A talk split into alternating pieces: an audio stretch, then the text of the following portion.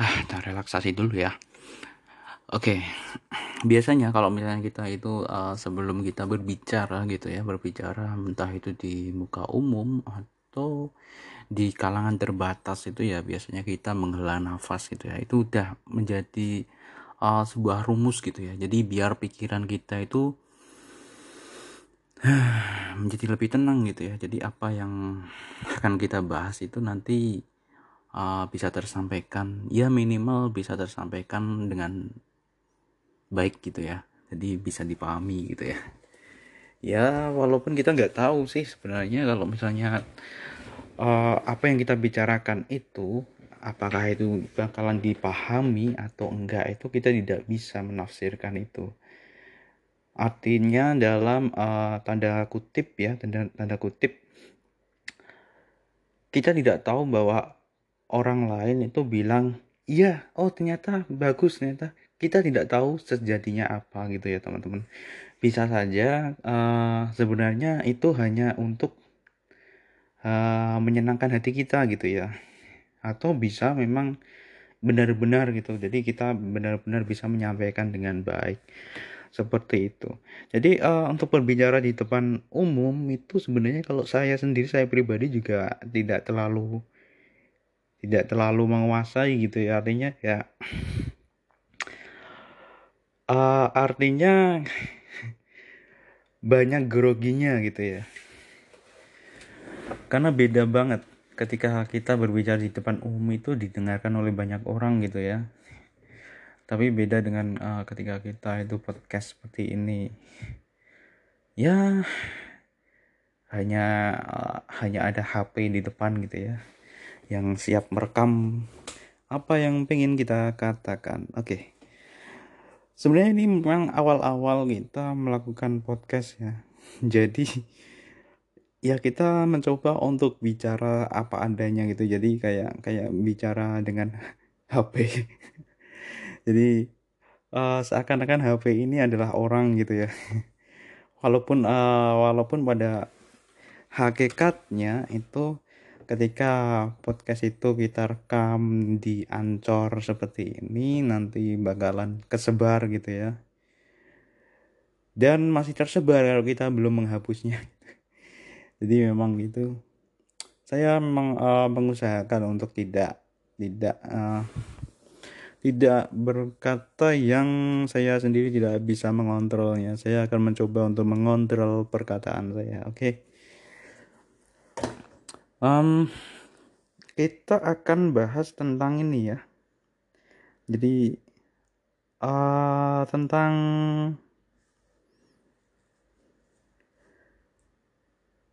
kapan sih rahmancyber.net itu awal mulanya kebentuk atau awal mulanya ada di jagat internet?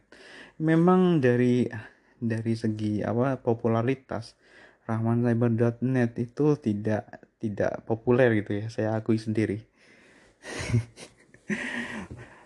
Tetapi itu sangat populer di hati saya teman-teman ya. Jadi mungkin uh, tidak populer di hati banyak orang gitu ya. Tapi bagi saya itu sangat populer gitu ya. Artinya itu adalah sesuatu yang memang benar-benar benar-benar menjadi uh, menjadi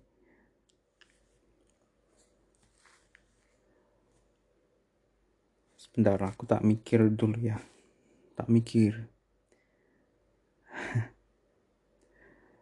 Kadang uh, merangkai kata itu emang susah. Jadi kita mau ya kayak itulah oh senengi dewi gitu ya. Jadi opo sing tak senengi ngono lah ya. Uh, ngono lah. Jadi apa yang kita senangi gitu ya. Jadi kita senangi sesuatu kayak kayak sebuah aset ya. Sebuah aset yang kita merasa bisa ada rasa bangga gitu ya. Jadi bangga aku aku aku punya itu gitu ya. Aku punya itu. Itu. Jadi uh, sebenarnya memang belum besar kalau misalnya dikatakan besar ya nggak besar gitu ya teman-teman. Karena memang blog pribadi juga dari segi traffic pun juga ya ala kadarnya sih teman-teman. Tapi uh, di situ uh, saya bisa memberikan catatan-catatan bisa menuliskan catatan-catatan yang um, yang saya di situ itu oke okay. di sini uh, ah udah mulai ngelin uh, mudah mulai ngelantur kan padahal ini di depan saya itu cuman HP loh ya. Tapi kadang memang kalau misalnya kita tidak pakai catatan itu ya jadi kalau misalnya kita berbicara sesuatu misalnya pidato atau apa kita tidak pakai catatan itu kadang bisa ngelantur ke mana-mana. Kadang apa yang sudah kita uh, kita susun tadi itu bisa apa bisa kesulitan sendiri merangkai katanya gitu ya teman-teman. Jadi seperti itu ya. Mungkin hal ini juga dialami oleh beberapa orang lainnya di muka bumi ini teman-teman ya. Atau mungkin kalian gitu.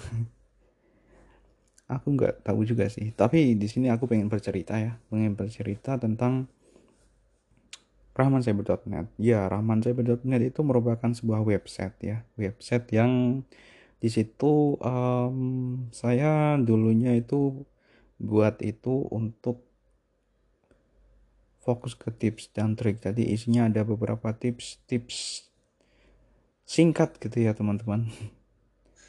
Jadi nggak yang panjang-panjang, jadi uh, yang praktis-praktis. Nah, tetapi di sini memang ada perubahan besar di sini ya. Ternyata jauh-jauh hari dulu yang tak saya prediksi gitu teman-teman ya. Artinya sekarang ini memang untuk mendapatkan pengunjung organik di uh, sebuah blog gitu ya teman-teman blog atau website itu kita perlu membuat artikel yang berkualitas gitu ya. Karena ada tambahan parameter berkualitas gitu ya ya. Jadi udah nggak nggak zamannya lagi uh, kayak kita buat cuman catatan-catatan pendek-pendek itu udah udah udah udah kelewat gitu kan. Jadi kayak yang namanya perkembangan itu sudah dikembangkan lagi kembangkan lagi kembangkan lagi. Dan dalam hal ini adalah Google search karena memang kita nggak bisa pungkiri bahwa Google Search itu merupakan um, mesin pencari yang memiliki banyak sekali pengunjung teman-teman ya. User gitu yang menggunakan itu. Entah karena brandingnya memang sudah unggul gitu ya atau gimana tapi yang jelas biasanya orang yang sudah menguasai di ranking pertama untuk keyword ya kata kunci gitu ya kata kunci tertentu. Misalnya kalian nih teman-teman membahas tentang sesuatu gitu ya tentang sesuatu. Misalnya katakanlah sepatu-sepatu terkini gitu ya. Di situ akan banyak kompetitor teman-teman. Artinya kompetitor itu adalah pemilik website lain yang dia juga mempunyai artikel serupa Nah, itulah ada prankingan namanya ya, search. Jadi makanya di situ banyak sekali orang-orang yang saat ini uh, berlomba-lomba untuk membuat artikel yang benar-benar berkualitas. Berkualitasnya itu pembahasannya dalam gitu teman-teman ya. Jadi kalau misalnya kalian bisa uh, kalian bisa lihat di uh, Wikipedia teman-teman ya. Contohnya di Wikipedia misalnya gitu ya. Wikipedia itu uh, dari segi SEO-nya itu memang bener-bener kayak bener-bener kayak buku gitu ya teman-teman.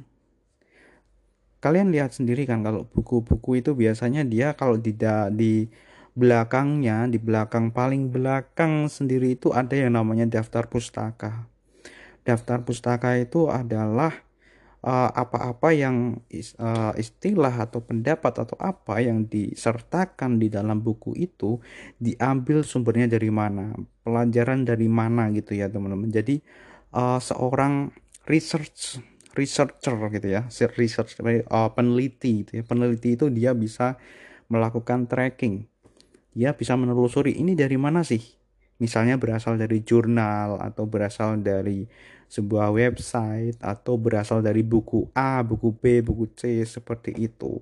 Jadi bisa langsung merujuk gitu teman-teman. Dan di Wikipedia itu semacam itu. Ya, jadi itu merupakan salah satu kekuatan SEO sekarang teman-teman ya. Di samping uh, pembahasan yang terstruktur dengan rapi, pokoknya kalian bisa lihat lah, lihat di Wikipedia gitu ya teman-teman. Wikipedia untuk artikel ya dalam pembuatan sebuah artikel gitu ya. Jadi di dalam situ saling mengelingkan misalnya di uh, pembahasan sesuatu dia mengangkat nama gitu nama seseorang gitu ya pasti ada kadang ada halaman dari orang tersebut gitu ya dilingkan itu namanya SEO of page SEO of page on page ya teman-teman. Saya agak lupa juga sih. Udah lama nggak. Ada udah lama nggak praktek SEO saya soalnya teman-teman. Jadi uh, semenjak semenjak saya fokus ke usaha beberapa tahun yang lalu gitu ya sama kuliah gitu teman-teman. Jadi jadi uh, nggak bisa fokus kayak dulu gitu ya. Kalau dulu sampai SEO SEO kayak gitu teknik-teknik SEO itu dulu masih masih sempat untuk belajar kayak gitu. Tapi eh, akhir-akhir uh, ini memang uh, saya sedang belajar lagi teman-teman ya artinya gitu. Dan ternyata memang beberapa praktek SEO-SEO yang zaman dahulu kala itu sudah banyak juga yang sudah out of date. Artinya kalau diterapkan di uh, masa sekarang itu malah bisa jadi sebuah penalti gitu ya teman-teman. Penalti artinya seharusnya kamu bisa di ranking 3 tapi kalian terdepak gitu ya keluar dari perankingan gitu ya dari Google gitu. Seperti itu teman-teman. Jadi penalti itu ya. Kalian uh, pernah dengar yang namanya backlink gitu ya? Backlink. Nah sekarang pun untuk backlink itu tidak sembarang backlink nih teman-teman. Kalau dulu asal backlink banyak gitu kita bisa menguasai page one. Bahkan dulu aku cuma mempraktekkan SEO on page ya.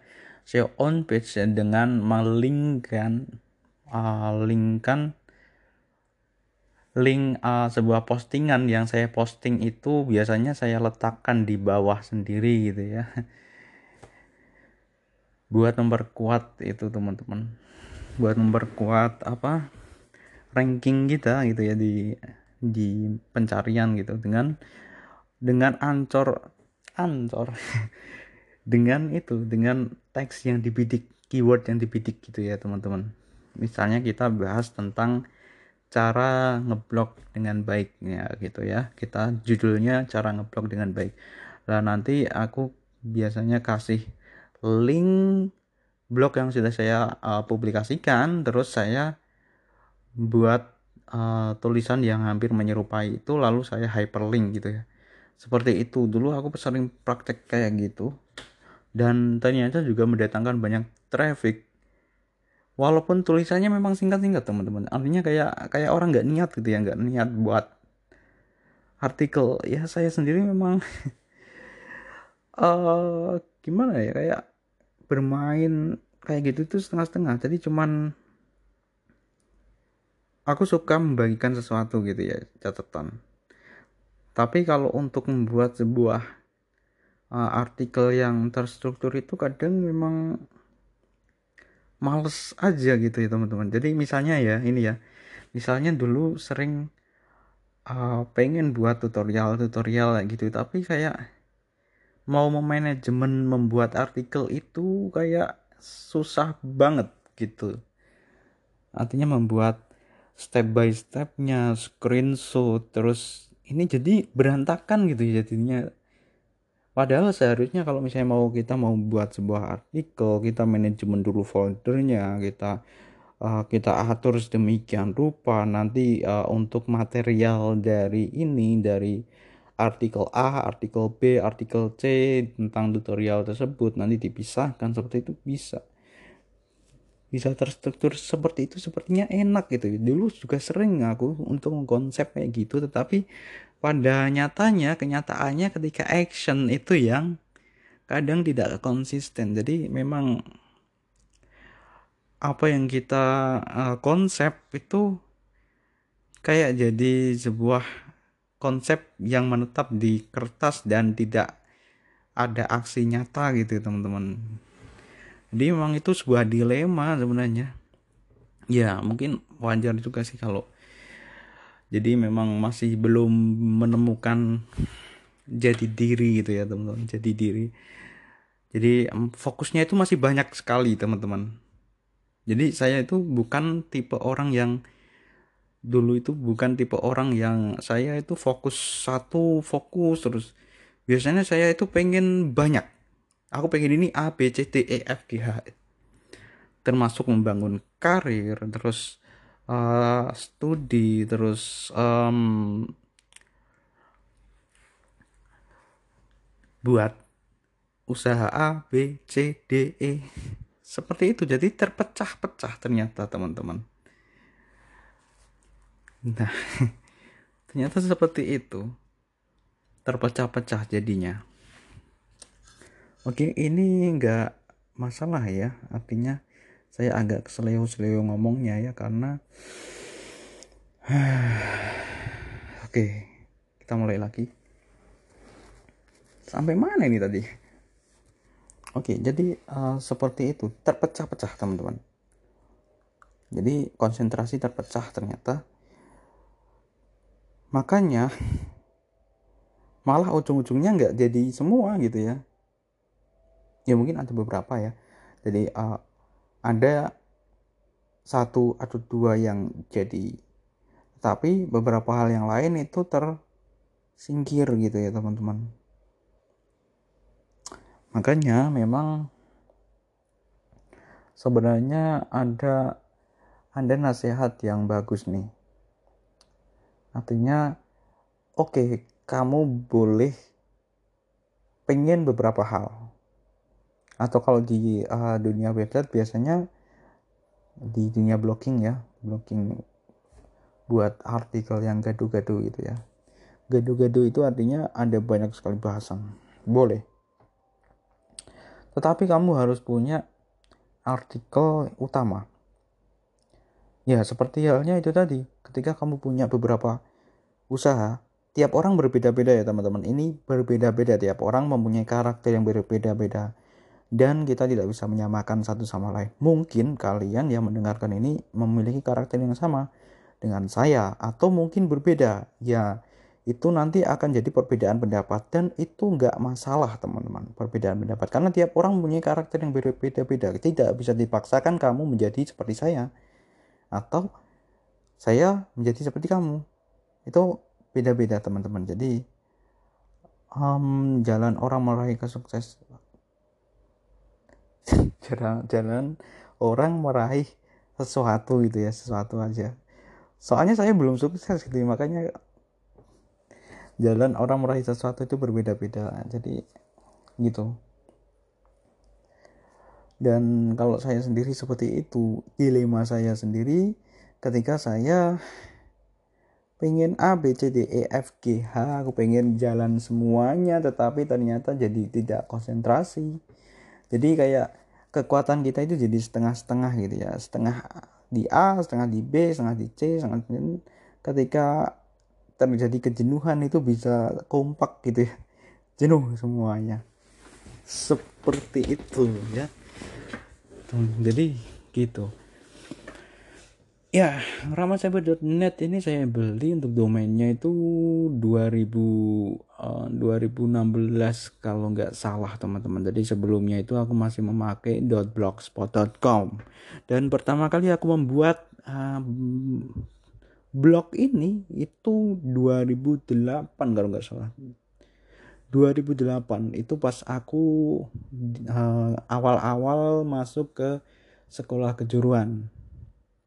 Saya pernah menuliskan di beberapa catatan saya yang mungkin saya bisa agar bisa mengingat-ingat itu ya teman-teman. Jadi dulu itu memang e, keadaannya ya saya nggak punya apa-apa teman-teman ya artinya saya itu di SMK multimedia. Harusnya multimedia itu berkaitan dengan komputer teman-teman. Tapi saat itu memang saya tidak memiliki apa pun teman-teman ya. Saya tidak memiliki apa-apa untuk komputer gitu ya. Jadi komputer aku nggak punya HP pun juga nggak punya. Smartphone maksud saya ya. Atau HP dulu itu yang bagus itu yang Symbian. Itu yang bisa nyimpen note. Tapi aku nggak punya itu jadi aku cuman punya HP 3310 kalau nggak saya yang besar itu yang HP botok itu ya teman-teman buat jualan pulsa gitu dulu. Dulu seperti itu sih. Ya dulu aku memang uh, jualan pulsa dulu ya teman-teman. Itu dan nggak masalah juga sih. Soalnya dengan jualan pulsa sendiri juga aku bisa mendapatkan beberapa teman gitu ya dan bisa mempelajari beberapa karakter teman juga. Seperti itu teman-teman. Ya memang dari pengalaman hidup itu kita mempelajari kita belajar gitu ya belajar misalnya kita memahami orang-orang sekitar bagaimana mereka itu menanggapi kita bagaimana kita menanggapi mereka bagaimana kita bersikap bagaimana mereka bersikap. Kita bisa belajar tentang itu semuanya. Ya jadi ini enggak awal-awal ya tapi agak pertengahan di semester 2 kalau nggak salah ya di kelas 1 semester 2 itu kan ada uh, ruang SCT yang mulai dioperasikan gitu ya. SCT itu dulu ruang internet gratis gitu ya teman-teman. Jadi di situ kita bisa akses komputer di situ akses internet gratis di situ teman-teman. Dan di situlah aku buat blog Nah, blog Rahman Cyber. Entah kenapa saya suka banget platform blogger teman-teman ya. Jadi di saat beberapa temanku itu ada yang menyarankan WordPress ya, ada yang punya ada yang udah punya WordPress juga ternyata dulu itu. Soalnya dia memang ya di rumahnya ada komputer juga sih semuanya komplit pada saat itu teman-teman ya dan entah kenapa aku suka blogger coba bayangkan apa sih yang menjadi daya tarik saya? Yang menjadi daya tarik saya itu adalah templatenya bisa kita custom teman-teman ya. Jadi kita bisa custom template. Dan banyak sekali template yang tersebar saat itu dan template pertama yang saya masih ingat banget yang saya pakai, saya tertarik dan itu membuat saya itu menjadi ya setidaknya menjadi ada semangat menulis gitu ya teman-teman. Itu adalah template Naruto Sasuke di lembah sedang bertarung. Entah kenapa saya suka itu. Templatenya warna hitam gitu ya teman-teman jadi si Naruto udah berubah jadi ekor empat dan Sasuke juga sudah berubah. Itu adalah template pertamaku. Dan ketika aku uh, sedang praktek nih. Sedang praktek multimedia ataupun di apa ataupun ketika KKPI ya kalau dulu itu praktek komputer gitu ya. Ya biasanya aku memang itu ya ngutek-ngutek blog gitu ya jadi memanfaatkan yang ada gitu ya teman-teman. Walaupun kalau intensitasnya kalau dulu itu ya nggak seperti sekarang. Dulu itu ya masih sekedarnya gitu maksudnya kan terbatas itu ya teman-teman. Misalnya yang paling bebas nih yang paling bebas itu yang di SCT biasanya sampai sore juga saya. Sampai bahkan sampai maghrib juga saya pernah loh. Sampai maghrib habis maghrib itu sampai di suruh eh kamu belum pulang. Kayak gitu. Sama uh, pak guru yang jaga di situ. Ya saya ingat banget itu ya teman-teman. Ya kalau di uh, di pelajaran itu kan biasanya cuman berapa jam doang nih. Tapi kalau di itu kalau di ICT itu bisa habis pulang sekolah sampai itu ya kayak kayak disi-disian gitu teman-teman jadi seperti itulah dulu Rahman Cyber ada teman-teman ya. Dan anehnya yang bikin saya semangat itu setiap kali um, posting sesuatu itu kayak trafficnya langsung naik. Wow. Trafficnya naik. Dan traffic yang paling puncak adalah ketika aku itu nge-share tentang uh, tentang itu ya teman-teman. Tentang laporan prakrin. Wah itu langsung membludak banget. Banyak. Dan ya seperti itulah. Ternyata ya memang ada masa-masanya sih teman-teman. Makin uh, makin bertambah tahun makin berkembang nih untuk algoritma dan parameter yang ada di Google Search ya dan sampailah saat ini ketika prioritas yang utama adalah artikel yang berkualitas. Artikel yang berkualitas adalah artikel yang membahas lebih dalam tentang sesuatu. Dan ada lagi nih parameter lagi yaitu trust, kepercayaan. Nah, ini yang agak susah memang.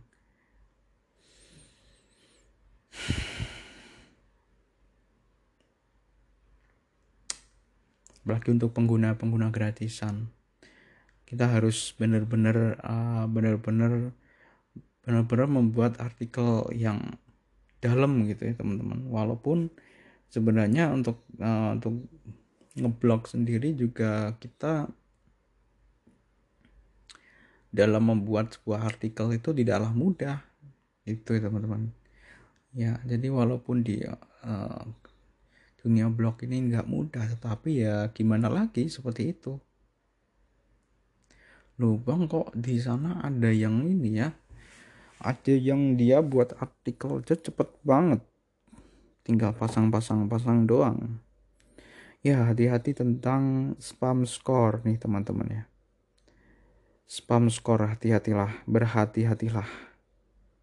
Karena oke okay, trafficnya tinggi tapi ketika spam skornya tinggi juga itu nanti kayak kamu itu awal-awal itu kayak tinggi. Nanti habis itu drop gitu teman-teman. Berbeda kalau artikel yang biasanya artikel biasanya ketika di post dia masih merangkak. Merangkak lagi merangkak lagi merangkak atas atas atas atas. Dan ketika sudah mencapai atas nantinya tinggal uh, si pemilik artikel itu tinggal melakukan update-update rutin gitu aja sudah mempertahankan posisinya teman-teman. Artinya kalau kamu sudah pernah ke uh, page one ya ini ya catat. Kamu amati untuk blog-blog dengan traffic yang tinggi. Biasanya blog dengan uh, postingan eh blog dengan kamu amati postingan-postingannya, postingan-postingan yang kamu buat keseluruhan, kamu amati yang paling tinggi itu yang mana? Yang paling tinggi trafficnya. Nah, berarti kamu tinggal memulai sedikit aja gitu ya. Artinya, kamu perlu melakukan update juga, misalnya seminggu sekali atau sebulan sekali. Bisa kamu tambahin sesuatu biar artikelnya menjadi lebih dalam atau kamu hubungkan dengan postingan di blog-blog lain seperti itu teman-teman. Kalau kamu sudah di page one. Nah tetapi kalau misalnya belum artinya di postingan itu masih pengunjungnya masih dikit. Pengunjungnya masih dikit ya ya sudah. Kamu optimasi lagi gitu ya teman-teman. Soalnya uh, ketika hmm, sebenarnya ketika kamu sudah mempunyai uh, topik yang topik yang kamu bidik gitu ya kayak tadi yang kamu fokus kamu fokus kamu bisa membuat sebuah link building. Link building itu apa? Link building itu ini bukan ke blog atau website lain ya teman-teman. Jadi masih ke blog internal. Link building itu kamu bisa melingkan antara satu page dengan satu page lainnya teman-teman. Itu sama kayak konsep Wikipedia tadi. Misalnya ketika kamu buat artikel ada nama tokoh maka di situ akan ngeling langsung ke halaman tokoh tersebut gitu. Seperti itu. Dan itu akan menambah ya trust gitu ya. Authority gitu ya authority kamu gitu di samping yang tadi teman-teman. Jadi backlink aja ada backlink berkualitas loh. Quality backlink. Itu biasanya kalau misalnya uh, kalau misalnya kalian cek di website kalian bisa bisa cari ya. MOZ M O Z. MOZ cek DA dan PA DA itu domain authority dan PA itu page authority kamu cek MOZ. Itu dari MOZ itu merupakan salah satu uh, perusahaan yang dia itu melakukan itu ya teman-teman. Bukan prankingan itu tapi kayak mengira-ira mengira-ngira. Tapi memang kredibel teman-teman. Jadi ada MOS dan yang yang saya tahu ya ada MOS sama Ahref yang biasanya jadi patokan gitu ya kalau Ahref itu domain authority-nya eh, domain rating gitu ya kalau Ahref tapi kalau MOS itu domain authority dan back authority. Jadi di MOS itu domain dihitung sendiri page pun dihitung teman-teman ya. Jadi tiap-tiap halaman yang ada di website kamu itu dihitung. Oke ini panjang banget nih. Kita jeda sebentar ya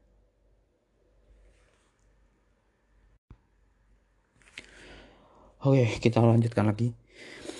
Kita tarik dulu nafas. Lepaskan oke.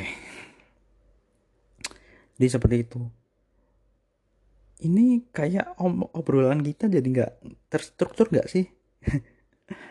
Tapi yang jelas tadi yang pengen aku sampaikan ya teman-teman. Jadi dari awal aku ngeblok yang tadi kalian udah tak beritahu ya awal aku ngeblok itu kapan terus uh, tiap-tiap tahun perkembangannya seperti apa di Google Search pun dia mengembangkan yang namanya algoritma. Kalian bisa cari beberapa beberapa informasi tentang algoritma Google itu. Jadi perkembangan algoritma Google itu memang memang nggak mitos itu ada bener-bener.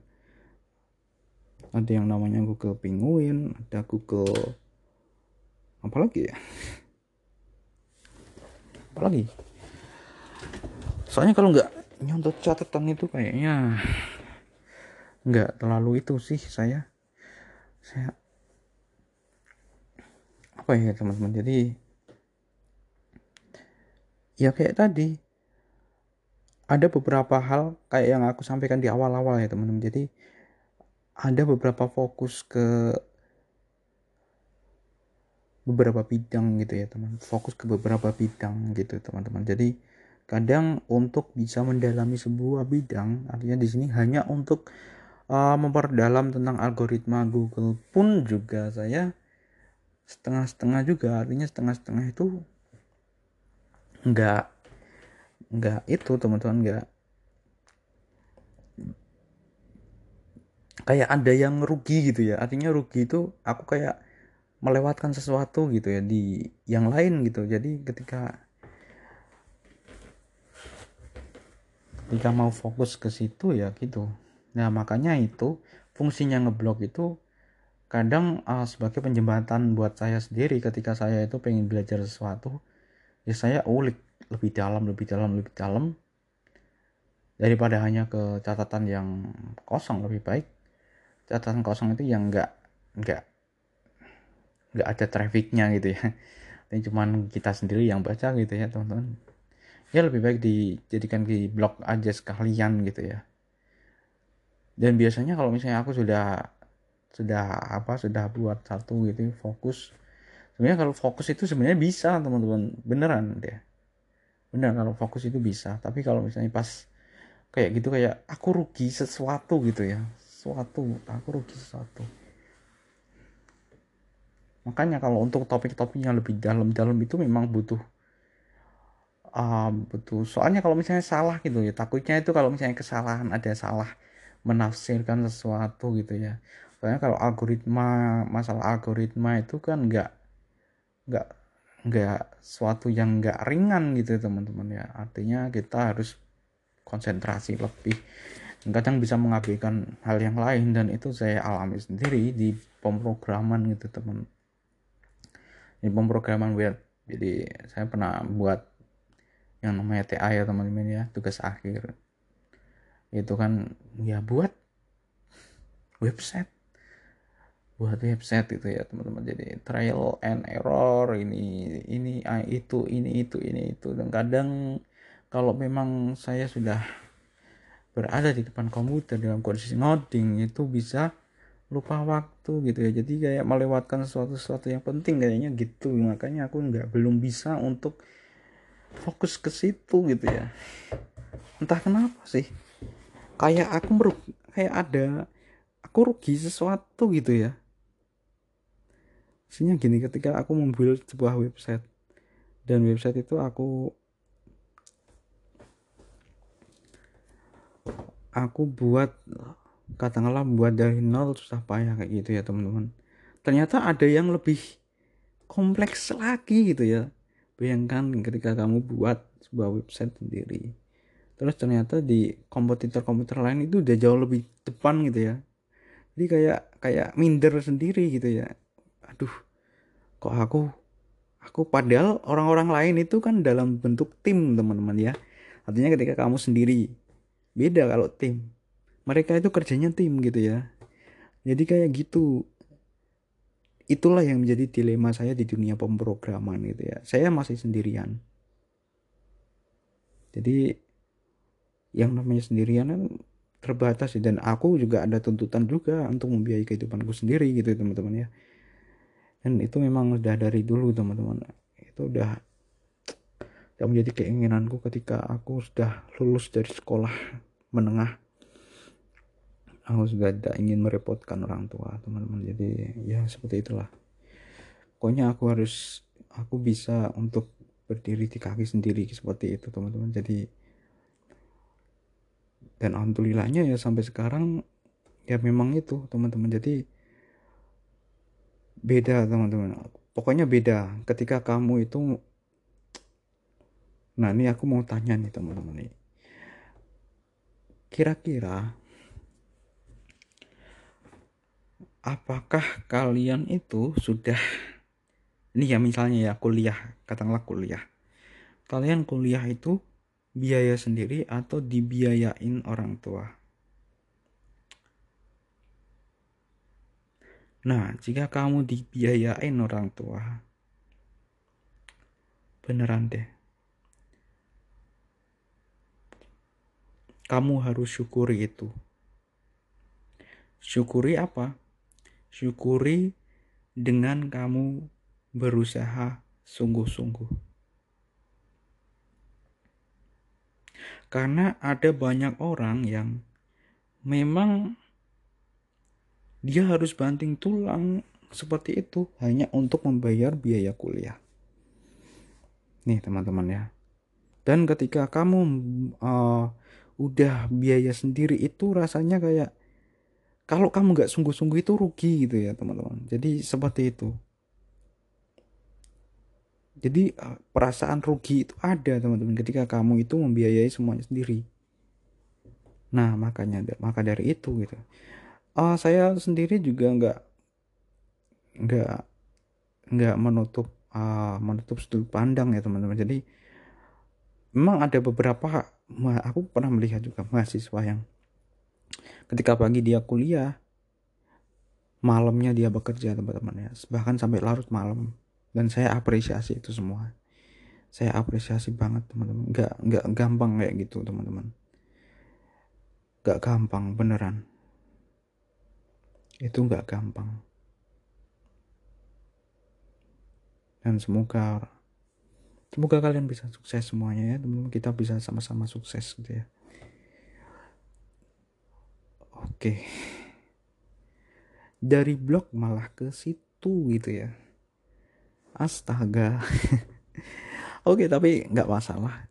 dan di situ kamu bisa tahu seperti apa sih sebenarnya aku di sini kayak aku itu uh, sedang berbicara ya dua mata ya sama kalian yang menjadi pendengar misalkan untuk jangan katakan ke siapa siapa ya cukup kalian yang dengarkan aja jangan disebarkan teman-teman ya jangan disebarkan pokoknya ya teman-teman.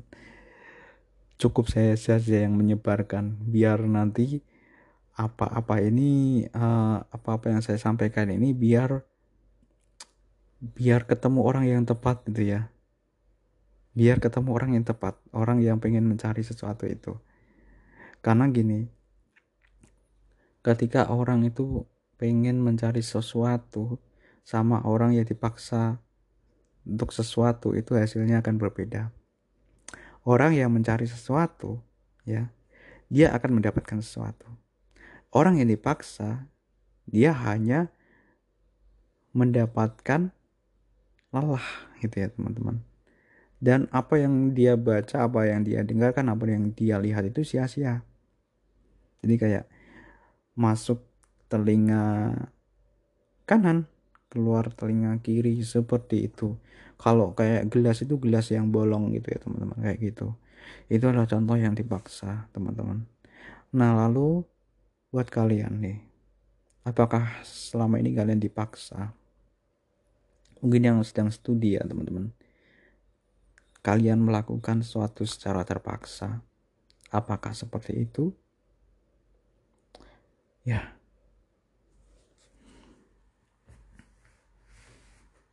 yang tahu hanyalah kalian teman-teman yang menentukan hanya kalian yang memutuskan hanyalah kalian saya tidak bisa memutuskan apa-apa.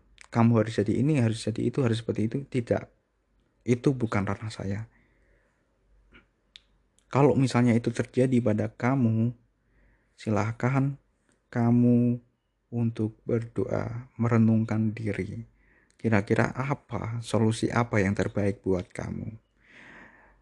Karena yang saya yakini nih teman-teman ya, yang saya yakini jawaban terbaik adalah jawaban ketika kalian dekat dengan sang pencipta teman-teman. Jadi itu kayak jawaban yang oke okay, memantapkan hati kalian. Oke okay, aku harus ini. Oke okay, aku menerima ini. Oke okay, aku akan melakukan itu seperti itu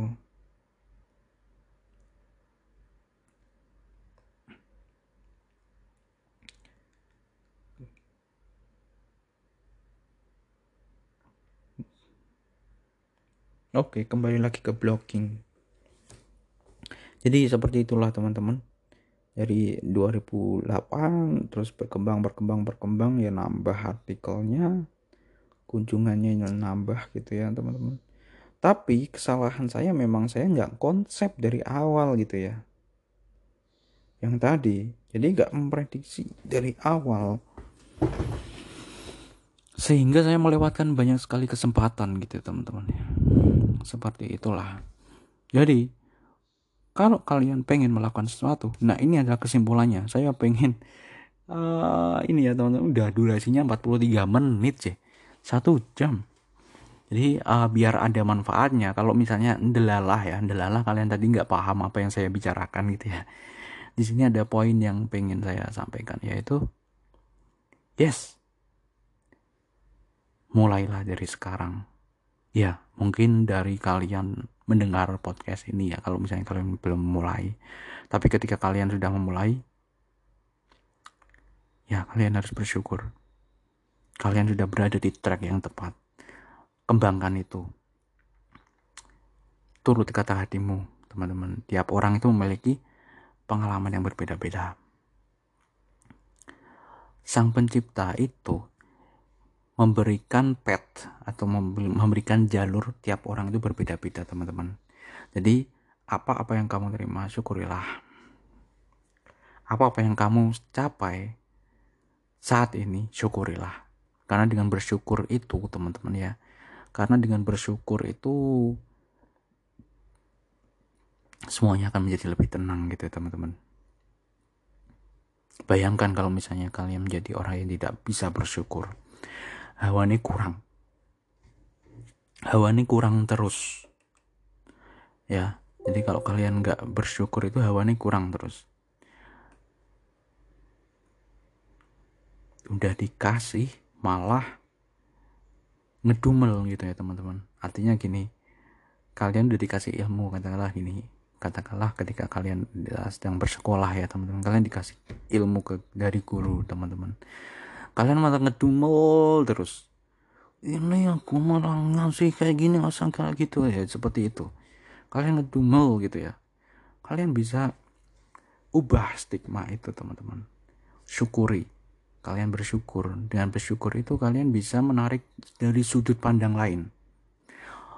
Ya jadi nggak dari satu sudut pandang aja teman-teman. Jadi sudut pandang yang lain. Oh iya ini sepertinya bagus deh buat saya ya. Buat perkembangan saya.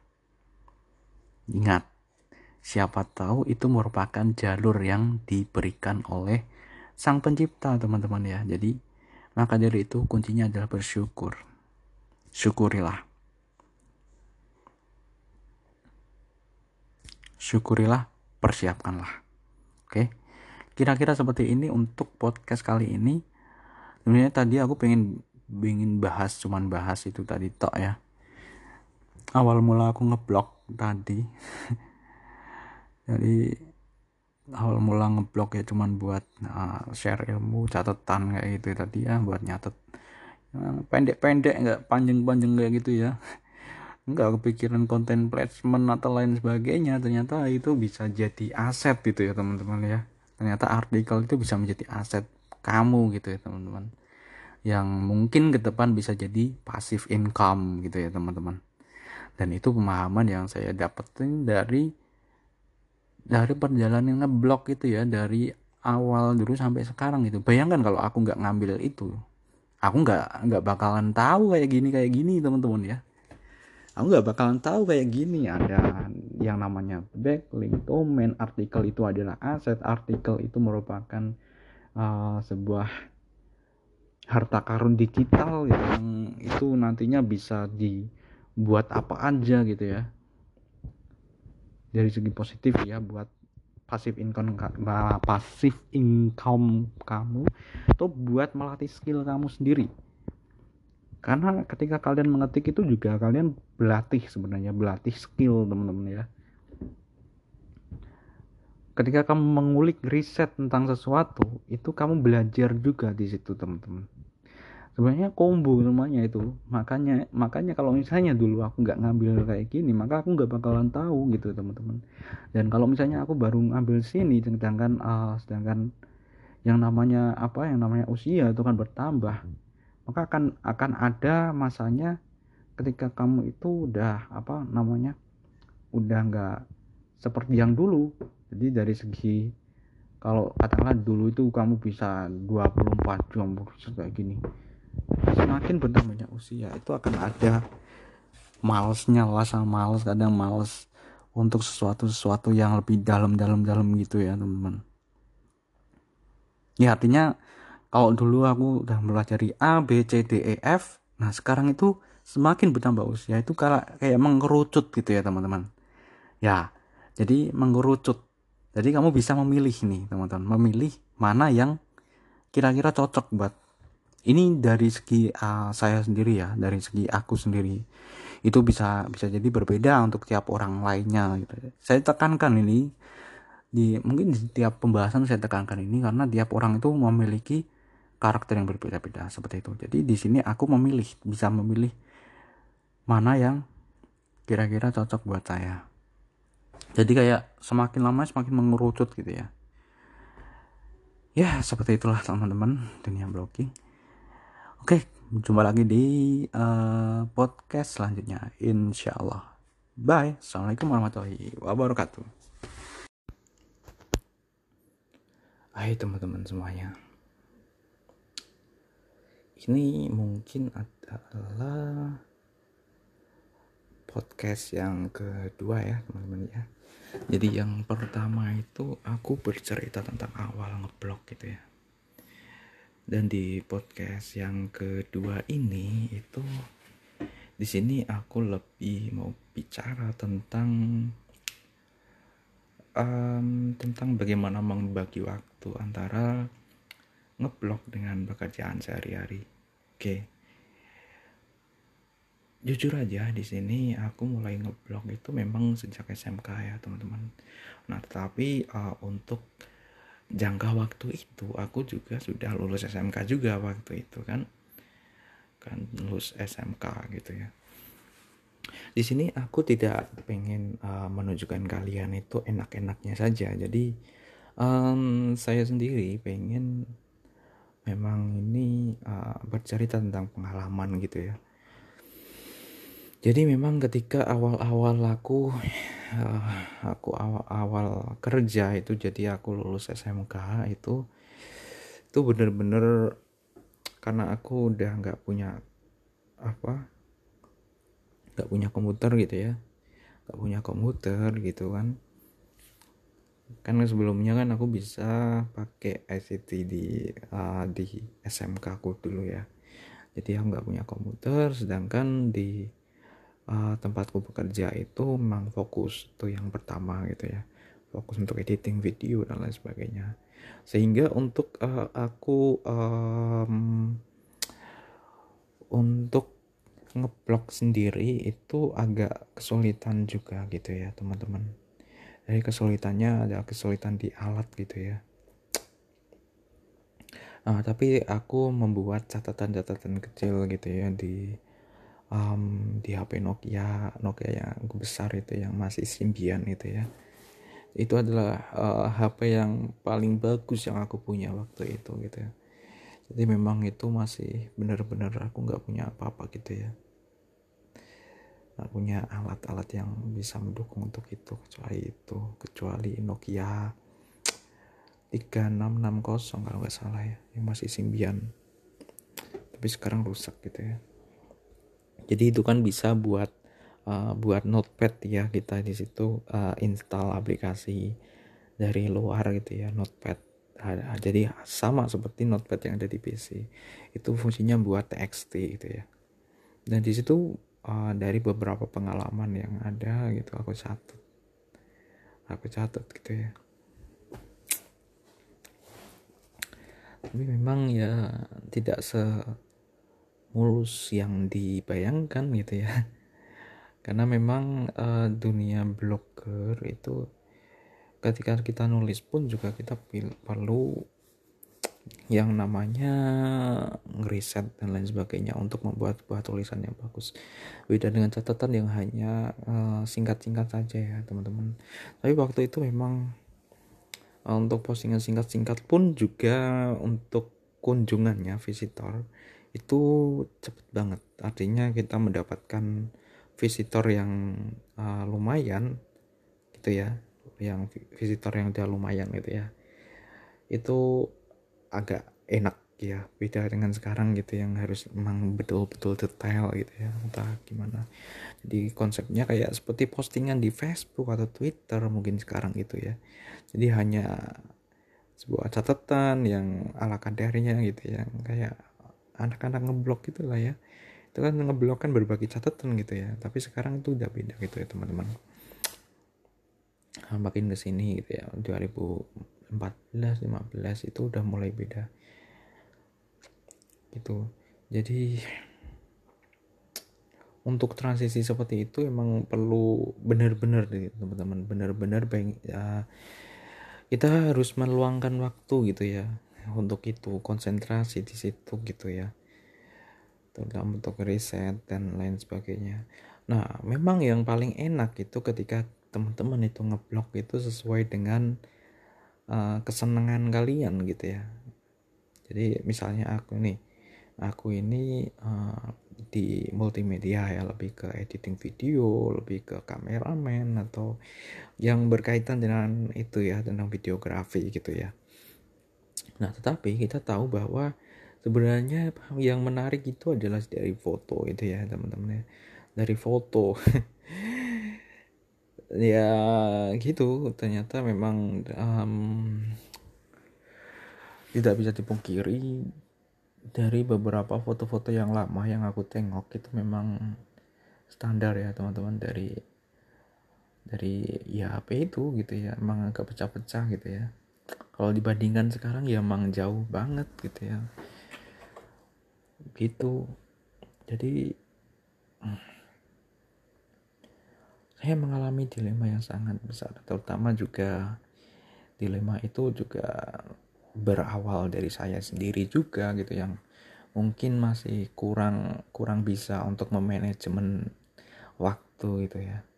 Manajemen waktu dengan baik nah 2011 itu aku pindah kerja juga di situ. Aku pindah kerja dan alhamdulillahnya untuk pindah kerja itu aku menjadi lebih uh, lebih bisa itu teman-teman. Jadi bisa meluangkan waktu juga buat ngeblok gitu ya. Jadi di sini uh, targetnya adalah pekerjaan selesai gitu. Targetnya pekerjaan selesai jadi um, ketika pekerjaan itu sudah selesai maka kita bisa bisa nyambi gitu ya nyambi buat ngeblok gitu teman-teman ya. Dan itu saya rasakan lebih enjoy karena apa? Karena saya mempunyai koneksi internet di situ. Jadi um, bedanya ya bedanya sebelum itu memang untuk koneksi internet sendiri memang terbatas ya teman-teman ya. Nggak ada bahkan. Tapi untuk yang uh, setelah aku pindah kerja itu uh, ada koneksi internet yang bisa aku manfaatkan untuk itu teman-teman ya. Jadi pekerjaan selesai jadi manfaatkan waktu luang untuk ini. Jadi mungkin bagi teman-teman yang uh, biasanya habis kerja itu nongkrong gitu ya biasanya nongkrong gitu. Ya saya gitu memanfaatkan seperti itu. Jadi uh, kalau teman-teman mungkin nongkrong gitu ya saya ngeblok gitu ya teman-teman. Jadi kami ngeblok. Nah tetapi memang um, tak bisa dibungkiri lagi. Jadi uh, waktu kan pulang kerja gitu ya pulang kerja itu saya pernah tenggelam di tenggelam di dunia game gitu ya teman-teman ya jadi uh, karena sebelumnya saya memang tidak pernah ngegame gitu ya yang namanya ngegame ngegame PC itu nggak pernah. Jadi uh, terganggu juga gitu ya. Jadi kayak kayak jadi orang yang kecanduan gitu ya. Jadi waktu yang seharusnya itu bisa aku gunakan buat ini buat bangun blog jadi uh, jadi enggak gitu ya. Karena tergoda itu tadi game gitu dan waktu demi waktu berlalu gitu ya jadi waktu yang seharusnya bisa aku manfaatkan waktu luang itu buat itu tapi itu jadi Nah, pada suatu ketika aku jadi tersadar karena ternyata ketika melihat blogku gitu ya teman-teman ya. Di saat algoritma Google itu berubah-berubah dan berubah gitu ya teman-teman. Ternyata penurunan visitor itu signifikan sekali teman-teman. Dan itu aku sadar, aku sangat menyesal banget. Jadi kenapa aku ngegame gitu ya teman-teman ya kenapa aku ngegame itu waktu yang harus aku gunakan untuk itu gitu ya karena memang ketika kita meng, uh, kita mengerjakan pekerjaan dan waktu pulang kerja itu yang seharusnya kan bisa, digunakan untuk itu untuk untuk ngeblok dan uh, lebih produktif produktif gitu ya. Soalnya buat uh, YouTube atau buat yang kreatif kreatif lainnya gitu ya. Tetapi gitu gitu teman-teman. Tapi game itu bisa mengalihkan semuanya gitu ya teman-teman. Dan saya sangat menyesali ya itu gitu ya. Tetapi walau demikian itu udah berlalu gitu ya. Dan dari situ saya berpikir juga kalau misalnya saya menyesal seperti ini gitu ya tapi kenapa kok waktu itu aku bisa ngegame gitu ya? Jadi apakah aku uh, bisa menarik hikmah dari itu semua gitu ya? Ya, mungkin tidak ada yang tidak um, yang tidak ada tujuannya. Mungkin uh, waktu itu aku digoda dengan game dan lain sebagainya itu ada ada tujuannya mungkin kali ya. Dan aku nggak tahu seperti itu. Yang jelas di sini aku sadar bahwa ada hal yang lebih penting di situ ya. Jadi mungkin kalau misalnya masih game itu itu ada rewards. Jadi sekarang pun dengan aku uh, kecanduan waktu itu itu aku jadi males nih ngegame juga. Jadi kayak udah bosen gitu ya. Ngegame itu kayak bosen. Beneran. Jadi kayak bosen itu itu itu terus. Dan itu uh, rasa bosan itu timbul ya saat itu saat ada hantaman bertubi-tubi kayak misalnya teman-teman yang lain udah sukses atau yang yang jadi sekarang ya dari youtuber atau blogger itu udah pada sukses gitu ya. Ada yang udah jadi youtuber sukses gitu yang blogger sukses dan saya masih stuck di situ gitu ya. Masih ngumpuk-ngumpuk di situ gitu teman-teman ya. Jadi kayak rugi waktu gitu ya teman-teman. Walaupun waktu itu juga terbagi-bagi memang sih nah pekerjaan kuliah game itu juga gitu ya. Game itu yang paling aku sesali itu ya. Tapi setidaknya di sini aku udah mendapatkan itulah teman-teman. Jadi mendapatkan hikmah dari itu. Jadi kayak bosen gitu ya. Game itu bosen PC mungkin sekarang juga masih masih ngegame sih teman-teman. Masih ngegame tapi mobile mobile gitu ya. Tapi lebih ke HP aja. Jadi jadi kalau misalnya aku uh, aku pegang PC itu bener-bener untuk produktif gitu ya teman-teman. Beneran deh. Beda. Jadi kayak kalau game PC itu biasanya berjam-jam kalau di mobile itu biasanya hanya beberapa menit gitu ya. Tapi tetap saja karena aku sudah mendapatkan kayak mungkin itu semacam vaksin kali ya semacam vaksin di mana kita itu bisa merasakan uh, kayak detox gitu ya. Itu bosen gitu ya. Jadi sesuatu yang bosen sehingga kita uh, ketika udah pas ngegame itu udah kelewat batas itu kayak udah bosen bosen bosen gitu ya. Pokoknya gitu. Jadi nggak nggak sampai candu banget gitu. Bahkan aku pernah sampai jam itu loh jam satu jam satu malam gitu ya teman-teman ya. Ya buat ini gitu ya buat game jadi kayak diforcing loh harusnya bisa produktif jadi enggak gitu ya. Gitu teman-teman. Jadi uh, itu salah satu lika-liku gitu ya. Apakah teman-teman pernah mengalami hal semacam itu gitu ya? Atau sekarang sedang mengalami hal semacam itu gitu ya? Apakah kalian sudah merasakan rasa bosan itu gitu ya teman-teman? Nah, sampai ketika uh, dari ujung-ujung itu ada rasa bosan gitu ya teman-teman rasa bosan dan kalian tidak menghasilkan apa pun. Jujur aja saya ketika ngegame itu uh, ada beberapa yang saya kerjakan teman-teman ya. Jadi ya mungkin itu bisa dibilang ya kayak tadi tidak ada sesuatu yang kebetulan. Jalan saya jalan kamu jalan semua orang itu berbeda-beda teman-teman. Aku punya jalanku sendiri kamu punya jalan. Jadi kamu itu tidak bisa uh, menyamakan gitu ya. Jadi gitu. Jadi misalnya kamu itu salahnya salah kamu kayak gini. Enggak. Semua orang punya jalannya masing-masing dan ini saya sadar gitu ya walaupun ada penyesalan gitu ya penyesalan itu timbul ketika ada seseorang yang lebih sukses dari kita dan kita masih uh, ada berada di titik yang sama gitu ya. Dan itu itu menimbulkan sebuah penyesalan. Kenapa aku nggak kayak itu nah tetapi ketika kita bisa menarik sesuatu yang positif dari itu maka ya sudahlah di sini kita sudah sadar.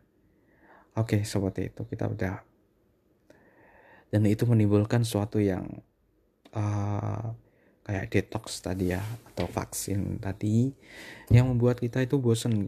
Ya udah udah pernah kayak gitu. Ya sudah gitu. Apalagi ketika uh, umur kita semakin bertambah gitu ya. Misalnya kalau udah 25 ke atas itu udah mikirin nanti mau menikah mau punya anak anak gitu ya. Gak mungkin dong kalau misalnya kita punya anak kita masih nge-game kan. Kan juga enggak kan anak. Masalahnya gini ketika anak itu masih kecil teman-teman ya kan anak masih kecil itu dia masih butuh contoh yang bagus.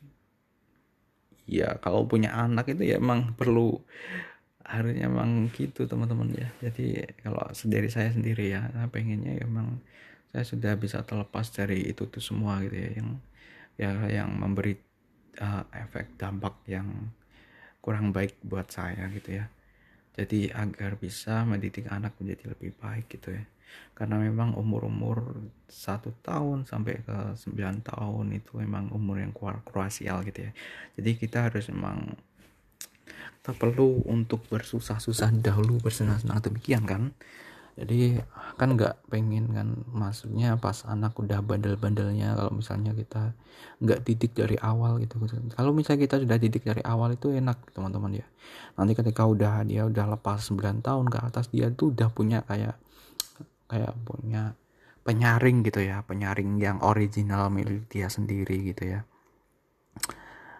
Mungkin kita tahu kan di era globalisasi ini informasi emang banyak sekali apalagi saya di dunia blogger kayak gini juga banyak mengetahui hal-hal yang bahkan ada yang ada yang itu ya ada yang memang tujuannya money gitu ya jadi melakukan segala macam cara gitu ya membuat artikel-artikel yang ber, yang negatif atau yang ya pokoknya yang penting traffic gitu juga ada gitu yang seperti itu gitu ya teman-teman. Makanya kan dan itu semua sulit untuk di apa ya di detox gitu ya. Kecuali kita membentengi diri sendiri. Makanya dari itu um, dengan kita memberikan uh, skill untuk menyaring gitu ya.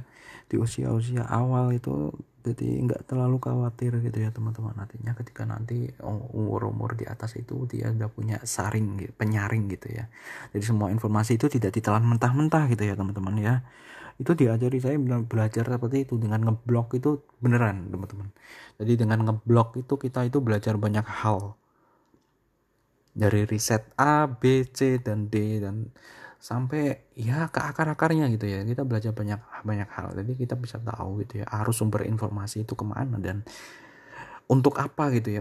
Kita bisa tahu seperti itu. Makanya dari itu informasi berkembang begitu cepat sekali teman-teman. Karena ada itu ada reward-reward yang dikejar gitu ya teman-teman. Makanya ketika kita karena ketika sebagai sebagai konsumen artinya konsumen informasi itu perlu itu teman-teman menyaring. Jadi biar tidak jadi bulan-bulanan. Bulan-bulanan itu apa? Bulan-bulan itu kamu dilempar sana lempar sana lempar sana itu muter-muter aja gitu ya. Opini A B C dan D. Opini A men, uh, menjatuhkan opini B membangun itu begitu terus gitu ya sampai lelah kamu nanti. Maka dari itu uh, memang untuk usia-usia yang dini itu emang bagus sekali untuk memfilter, memberikan filter kepada anak-anaknya gitu ya teman-teman ya. Gitu. Jadi uh, itu sih permasalahan untuk ngeblok sendiri. Jadi memang membagi waktu itu adalah sebuah hal yang penting gitu ya. Jadi kesimpulannya dari apa yang saya bicarakan ini, saya ingin uh, memberikan teman-teman uh, memberikan teman-teman pengalaman saya di mana memang dari itu semua dari berbagai uh, up dan down gitu ya itu memanajemen waktu itu adalah hal yang penting agar teman-teman itu bisa menjadi uh, blogger yang blogger yang produktif gitu ya teman-teman ya. Kan tidak bisa kan kita fokus nge ngeblog tapi pekerjaan kita jadi keteteran gitu kan enggak jadi uh, agar bisa menyeimbangkan itu semua gitu teman-teman. Nah seperti itulah teman, itulah fungsinya untuk kita menata diri dulu gitu ya, menata diri dulu. Kita menata diri, kita fokuskan ke beberapa step. Ya mungkin di sini saya uh, saya tidak memfonis saya gagal semuanya karena memang beberapa udah ada yang berhasil gitu ya. Tapi untuk yang blogger ini memang jadi terabaikan gitu ya. Karena kalau misalnya aku bisa menata memanajemen waktu dengan baik itu kan semuanya bisa jalan gitu ya. Gitu teman-teman. Semoga uh, untuk podcast singkat ini 19 menit ini ya. 19 menit ini bisa bermanfaat. Ya setidaknya ini tidak ada skrip ya di sini. Saya hanya ya seperti bicara-bicara ngobrol gitu ya ngobrol. Jadi emang saya buat natural mungkin oke? okay? Kalau misalnya ada salah-salah kata itu saya mohon maaf gitu. Yang benar itu dari yang maha kuasa atau Allah subhanahu wa taala dan yang salah itu biasanya dari saya sendiri. Oke kira-kira seperti itu. Assalamualaikum warahmatullahi wabarakatuh. Sampai jumpa di podcast selanjutnya insyaallah